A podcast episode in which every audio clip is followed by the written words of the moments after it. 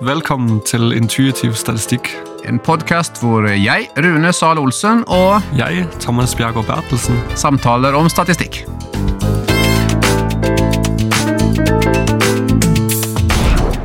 I denne podkasten skal vi snakke om uteliggere, altså data som ligger noe utenfor, eh, eller kanskje mye utenfor det som er helt normalen. Og I den forbindelse så kommer jeg å tenke på min første tur til Kina. Det var på 90-tallet, og jeg ønsket jo ikke å skille meg ut, eh, men jeg kjørte tog inn til en eh, stor by.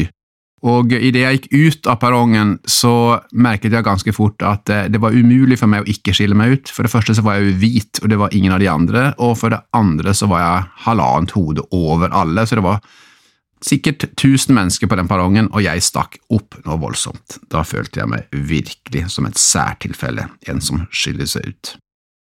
Men skulle man måle høyden på alle på perrongen, så var det jo riktig at jeg var der. Men skulle man måle alle kinesere på perrongen, så var jeg jo en som på en måte skulle blitt fjernet fra data. Vi skal snakke i dag om da uteliggere. Skal de være inne eller ute? Så er det en uteligger, eller er det en feil i data, eller hva er det for noe? Så da er jo spørsmålet, Thomas, hva kan årsaken være til det når vi snakker om data og statistikk og psykologisk forskning? Jeg tenker at ditt eksempel er veldig bra, for det viser jo at det å være veldig annerledes enn majoriteten av, av data, eller nei, eksempelet av gruppen, betyr ikke noe galt eller noe feil. Du har jo den høyde du har. Men det kan påvirke de svar vi får på den type spørsmål vi stiller. Eh, sånn som du nevner, hvis vi skulle måle høyden på, på alle på perrongen som et eksempel på høyden på kineser, der vil vi få en feil, for vi har på en måte fått det med deg som er annerledes enn de andre.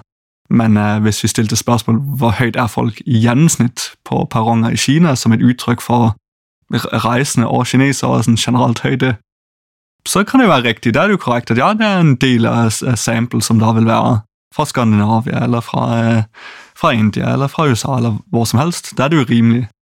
Mm. Så, så det med utlegger det handler om å finne ut av vil vi ha de med eller ikke, hva type spørsmål. Så har Altså, som- Om det har noe å si, spiller jo, altså, har jo også noe i- innvirkning. Klart Skulle du tatt et gjennomsnitt av høyden, og det var 1000 på perrongen og jeg var litt høyere enn de andre, så ville det ikke ha påvirka noe særlig. Men hadde vi vært to, så hadde det jo påvirket ganske mye. Ja. Eh, og så tror jeg liksom det som, det som du tar opp, det er at eh, det er et veldig greit eksempel, fordi det er, det er jo ikke noe galt at du har den høyden du har, men noen ganger så er uteligger eh, altså data som er veldig annerledes enn eh, majoriteten av data. Det kan være et tegn på at det er noe som har gått galt. Man bør fall undersøke er det noe som har skjedd her. Har vi gjennomført studiet på en feil måte? Ja, og Da må vi liksom inn på ja, hva kan grunnen være, liksom? Eh, når vi tenker sånn forskning som vi har i, i klinikk, da, for eksempel. Hvor vi har spørreskjemaer, enten på nett eller papir, og vi skal ha inn dette i en datasett som vi skal se på på en datamaskin. Og Da kan man jo ha at eh, La oss tenke at du har fått et papirskjema, og du har svart på det, og så er det da noen som må flytte de tallene fra papiret og inn i en datamaskin. Og Da har man kanskje svart fem, og så har eh, den som har koda klart å skrive feil. For eksempel fem til fem. Klikka to ganger på femtallet. Så det kan jo være en feil. El, ja. Eh, eller folk vil tenke digitale skjemaer. Hvis, hvis de er designet litt eh, uheldig, så kan respondenter jo også svare fem til fem. Hvis de har mulighet for det. Det kan være feil, eller at du er 390 år gammel når du mente 39. Ja. Sant? Da er det kanskje noe som flytter rundt på seg. Ja. Så da blir det en slags innkodingsfeil. ja, eh, og det er jo veldig lett å finne. Ofte vil man logisk kunne si at ja, men du kan jo ikke være tre meter høy, kan jo ikke være 300 år gammel. Her er det opplagt en feil. Mm. Eh, og så er det ikke alltid man kan si det heller. Men feil i måleinstrumentet som sådan, da, på en måte, at den uh, måler en feilaktig verdi, da. Ja, altså det kan jo være det er verdt å undersøke eh, om folk har forstått spørreskjemaet riktig. Eh, det, det er jo spesielt nyttig hvis du kjenner gruppen du spør eh, godt. Eh, hvis du f.eks. vet at du skal spørre elever om, om de liker å, å se film, eller om de liker å høre musikk i timen eller gjøre noe gøy, og så de svarer nei, det likte de ikke i det hele tatt, det var veldig ille. Da kan det jo være at spørsmålet er stilt på en måte så de har misforstått at de har svart omvendt, eller kanskje en bestemt liv har svart omvendt. da. Så der, der kan man jo tenke, hvis det er spørsmål som har eh, doble negasjoner, altså spørsmål som likte du ikke når vi ikke hadde eh, tavleundervisning? Det, det er jo sånne spørsmål som lett kan misforstås. så Hvis du egentlig ønsker å spørre likte du når vi hadde musikk i timen, Man ser jo det av og til på spørreskjemaet, at de liksom har snudd alt på hodet, og du nesten ikke vet hva du svarer til slutt. Ja, så, og der kan jo være folk Ja, så det er noe å tenke på, i hvert fall. Det kan jo også være at de intensjonelt faktisk ønsker å posisjonere seg ut. Altså med vilje svarer at de er dårligere enn hva de er, f.eks., Eh. i håp om å få mer hjelp. Ja, definitivt. Eh, eller bedre enn de er, ikke sant. Det kan jo også være. Ja. Men at man eh, Ja, folk som svarer, er jo ikke dumme, så de skjønner godt at dette skal brukes til noe. Så de kan jo med vilje svare maks på alt hvis det er eh, noen kliniske symptomer. Hvis de tenker hm, da må de i hvert fall ta det seriøst hvis jeg har liksom maks score på alt. Så det er jo en mulighet. Mm. Litt på en måte eh, til det der i eksempelet mitt, nå, om man skal tenke på samplingfeil. Altså måle høyden på Vi har en studie som foregår over mange år, hvor vi måler høyden på alle førsteklassinger. Og så er det en som holder på med denne innsamlingen, og så plutselig, eh, så, eh, et år, så må de bytte den personen som gjør dette. En annen som kommer inn og leser instruksen og fortsetter med det samme, og måler alle som er i klasserommet på den høy, eh, på, i, i første klasse. Men så ser vi at plutselig så er det en endring her, det har kommet inn noe høyere verdier. Og så kan man rett og slett finne ut at ja, ok, grunnen til dette var ganske logisk. Den forrige målte bare alle barna, mens den neste som kom inn og målte, målte både barna og de voksne i rommet. Så da har vi på en måte fått en samplingfeil. Ja, ikke sant? At de, de, du har tatt med noen som ikke skulle eh, Ja. med, egentlig. Og det kan skje også i psykologisk forskning. At du liksom, Noen vurderer det på en måte, og en annen på en annen måte. Med at man har forskjellige ratere, eller forskjellige folk som er inne. Og Så hadde vi for så vidt det eksempelet mitt igjen, da, om at jeg var jo for så vidt en naturlig outlier. Mm. Eh, og sånn kan det også være på f.eks. mål som SKAS. Ja. Har vi en på 71 eh, i en studie, så er jo det veldig, veldig høyt. Eh, men det, vi har faktisk det i en studie som eh, du og meg har sett på.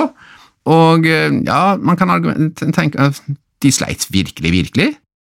En annen studie som jeg har på parfungering, så har vi et spørsmål som handler om lønn. Og de aller fleste familiene ligger liksom på rett litt under en million til rett over der. Det lå mange på. Vi har noen, tre stykk, som ligger på over tre millioner. Så er spørsmålet da, er det riktig eller ikke? Og det er den har vi kommet fram til. Er det faktisk riktig at de, de ligger på den. Men da må vi jo egentlig bevege oss videre på vet vi hva det er for noe. Men eh, hvordan skal vi undersøke disse uteliggerne?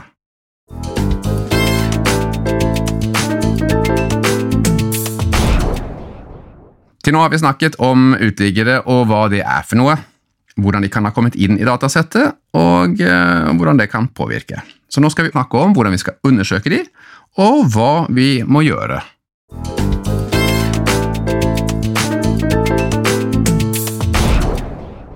Så hvordan undersøker vi disse uteliggerne, da? Det aller enkleste det er jo å, i tillegg til det som vi har drøftet med, å tenke intuitivt. ok, Hvis du vet på forhånd at det er en rimelig grunn til at noen kanskje svarer annerledes, så kan man også i tillegg undersøke rent visuelt. Eh, altså Det er jo alltid lurt å se på fordelingen av sitt data når du har det Vi tilgjengelig. snakker om å få ut noen grafer på skjermen, rett og slett. Ja, Ja. Få ut noen grafer, eller uh, Ja. Det kan være noe som kalles boksplott, histogrammer eller scatterplots. Mm. Og, og og der skal man egentlig bare se etter Er det noen eh, prekker eller punkter på det her graf som ligger et helt annet sted enn alle andre. Her tenker vi ikke liksom, ja, du skal finne de som ligger i kanten, men er det noen som er åpenbart Oi, dette var noe helt annerledes enn alle de andre som svarte. Det er jo liksom en indikasjon på hm, jeg bare undersøker den personen litt, litt nærmere. Er det noe her? Det er en veldig enkel metode da. Eh, Det finnes også litt mer sånn regelbundne metoder. Du kan jo se på dele ditt eh, data på en Hvis du tar en variabel, f.eks. Uh, høyde, du har høyde, da kan du dele data i, i fire deler, der du tar de, de, de laveste fjerdedele, eh, nest laveste fjerdedel, eh, nest høyeste fjerdedel og den høyeste fjerdedel. Og så kan du da se ok, avstanden fra, fra midten og til, til den høyeste fjerdedel, der den begynner, det, det kaller man liksom en interkvartil eh, område, eller sånn interquartile range. for det ligger sånn mellom to kvarter. Mm, sånn inn, inn på en måte mellom, Ja. mellom disse to kvartalene ja, i den, ja. Eh, og da er det en regel som sier, eller en sånn tommelfingerregel som sier at hvis du ligger høyere enn halvannen eh, interkvartilområde, så det vil si du, du ligger et helt eh, område forbi det som er eh, vanlig, så, så er det et slags eh, pekepinne på at eh, hmm, her er det noe som er litt eh, off, at du kan være uteligger. Da må du i hvert fall finne ut av årsaken til Ja. hvorfor, og om den skal være med eller ikke. Kan jo også bruke persentiler, som vi har snakket om tidligere når vi snakket om representasjon av data i en tidligere podcast. Da handler det jo egentlig om å dele den inn i 20 istedenfor 4, og så da se om det er eh, inn forbi 5 eller 95 der. Eller standardavvik. Og da snakker man ofte om at man vil være innen tre, eller hvis den er utenfor tre standardavvik fra min, så eh, må man undersøke den spesielt. Mm. Så har man noen mål på disse her, da. Hva kalles de i denne systemet? Det kalles Mahalanobis eh, avstand. Det er vanskelig å uttale. Altså Cooks eller Det enkle å uttale. Begge de sier egentlig bare noe om eh, en blanding av hvor langt ligger punktene vekk, og har det noe å si. Mm. Gir et slags tall på bør jeg gjøre noe med dette eller ikke. Man må jo gjøre noe med de, da. Nå har vi undersøkt de og funnet ut, nå vet vi noe om det. Vi vet uh, En uteligger her, ja, den tenker vi den er riktig, og en annen tenker vi at den, uh, den er feil. Hva, hva, hva skal vi gjøre med de?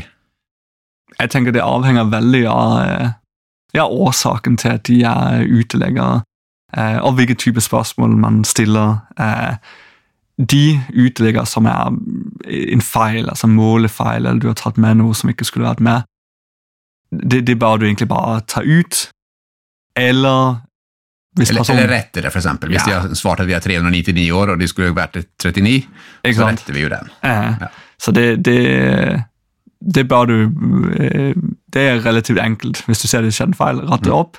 Eller eh, ta det ut. Kanskje personen har satt feil med vilje. Kan du velge å ta det ut og erstatte med noe annet. Eh, eller de misforstår spørsmålet. eller sånn. Men så kan det jo da være at man tenker at de skal være med. Mm. For eksempel så er det datasettet som jeg har, hvor det er tre personer eller tre par som har over tre millioner i inntekt, og resten ligger langt, langt lavere. Da kan jeg jo velge å kjøre analysene på alle, eller jeg kan velge å kjøre analysene med, med de med og uten for å se om det påvirker. Eller alternativt så kan jeg jo lage grupper av det istedenfor å tenke at vi har noen med lav inntekt, vi har noen med gjennomsnitt, og vi har noen med høy. Eh, Og da vil de tre være sammen med noen andre som er litt over standarden. Og da kan vi også bruke det. Og da har vi på en måte fjerna den ekstreme eh, styrken som de får fordi at de ligger tre ganger eller fire ganger så høyt som mange av de andre. Mm. Hvis jeg skal kjøre analyse som bruker akkurat det som en variabel. da. Ja. Altså, et annet alternativ er altså, når man har eller naturlig utlegger, eller utlegger som du egentlig vil ha med. Eh, I ditt eksempel med, med de som tjente veldig mye mer. Eh, noen ganger kan man også velge å forandre skalaen. altså så Istedenfor fra, fra null til eh, hvor mye du tjener, som er det åpne spørsmål, så kan du si på en skala fra, fra fattig til, til middels til rik eh, der at eh, fattig det er under 200 000, og middels det er på en måte der de fleste ligger, så rik det er de som tjener over 2,5 millioner i året.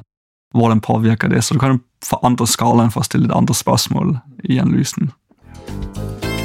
Da er det tid for en eh, liten oppsummering, Thomas. Ja, eh, i dag da har vi jo pratet om eh, outliers, eller uteliggere, som det heter på godt norsk, eh, som er jo da datapunkter eller enkeltpersoner som har svart på spørreskjema, som har svart på en måte som er veldig annerledes enn alle andre, som kan påvirke resultatene. Skiller seg litt ut. Ja, ikke sant? Eh, De ligger utenfor, de er uteliggere. Så har vi snakket litt om hvordan man kan forstå det. altså Kanskje noen ganger det er eh, at folk har trykket feil, eller er noe galt med spørsmålet som folk ikke har skjønt. Eller noen ganger så er folk kanskje bare veldig annerledes. Um, og så har vi snakket om hva man skal gjøre for eventuelt å håndtere det, og f.eks. å transformere variabler kunne jo være en løsning, som vi skal snakke om neste gang. Både du og meg, Thomas, jobber som forskere ved Avdeling for barn og unges psykiske helse ved Sørlandet sykehus i Kristiansand. Vi vil gjerne si takk til Sørlandet sykehus og vår kollega Semia Mojcik, som sammen med en pasient lager signaturmelodien.